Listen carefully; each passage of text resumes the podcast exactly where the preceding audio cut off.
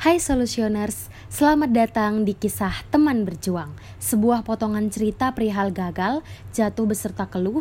Di balik itu, mari kita lihat pribadi tangguh yang tetap berjuang untuk dapat tetap utuh.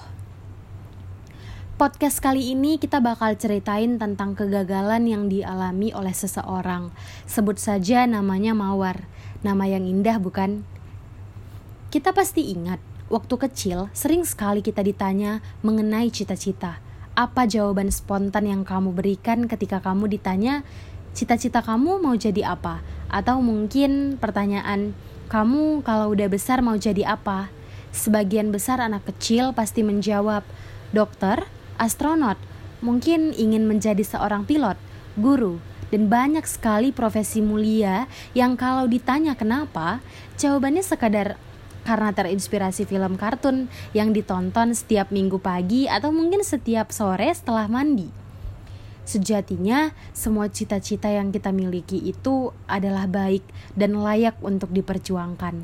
Namun, kita sering kali lupa bahwa kata memperjuangkan selalu membuka peluang untuk gagal dan berhasil. Namun itu jauh lebih baik daripada kita tidak mencoba sama sekali, bukan? Kisah ini terjadi saat Mawar lulus dari bangku SMA. Ia mengalami kegagalan karena ia mengejar cita-citanya. Semesta memang selalu memiliki kejutan untuk manusia. Perjuangan tak melulu manis hasilnya, namun tetap ada nilai dan tujuan baik di dalamnya. Mawar mengarungi kegagalannya sendiri, tak ada yang menemaninya kala itu, hanya dirinya sendiri.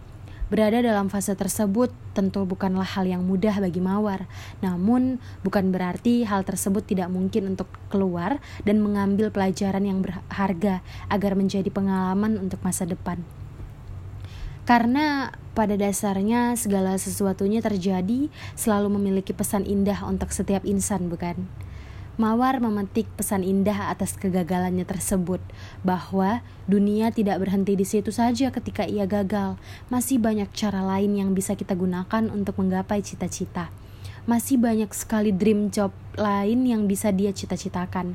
Membuka mata Mawar bahwa dunia terlalu sempit jika harus menyerah pada satu kegagalan saja. Kisah Mawar mengajarkan kita bahwa ketika kita gagal, harus tetap percaya dan yakin bahwa dunia bakal masih terus berputar, bahkan ketika tidak berhasil mendapat apa yang kita inginkan. Percaya sama Tuhan, Dia punya jalan lain yang jauh lebih baik di masa depan.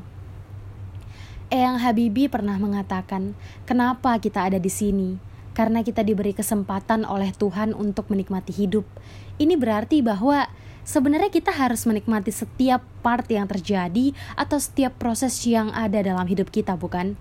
Baik itu kegagalan maupun kesuksesan yang menghampiri lembaran hidup kita. Dear Solutioners, Terus ikuti perkembangan kami di laman Instagram at Sampai jumpa di kisah teman berjuang episode selanjutnya.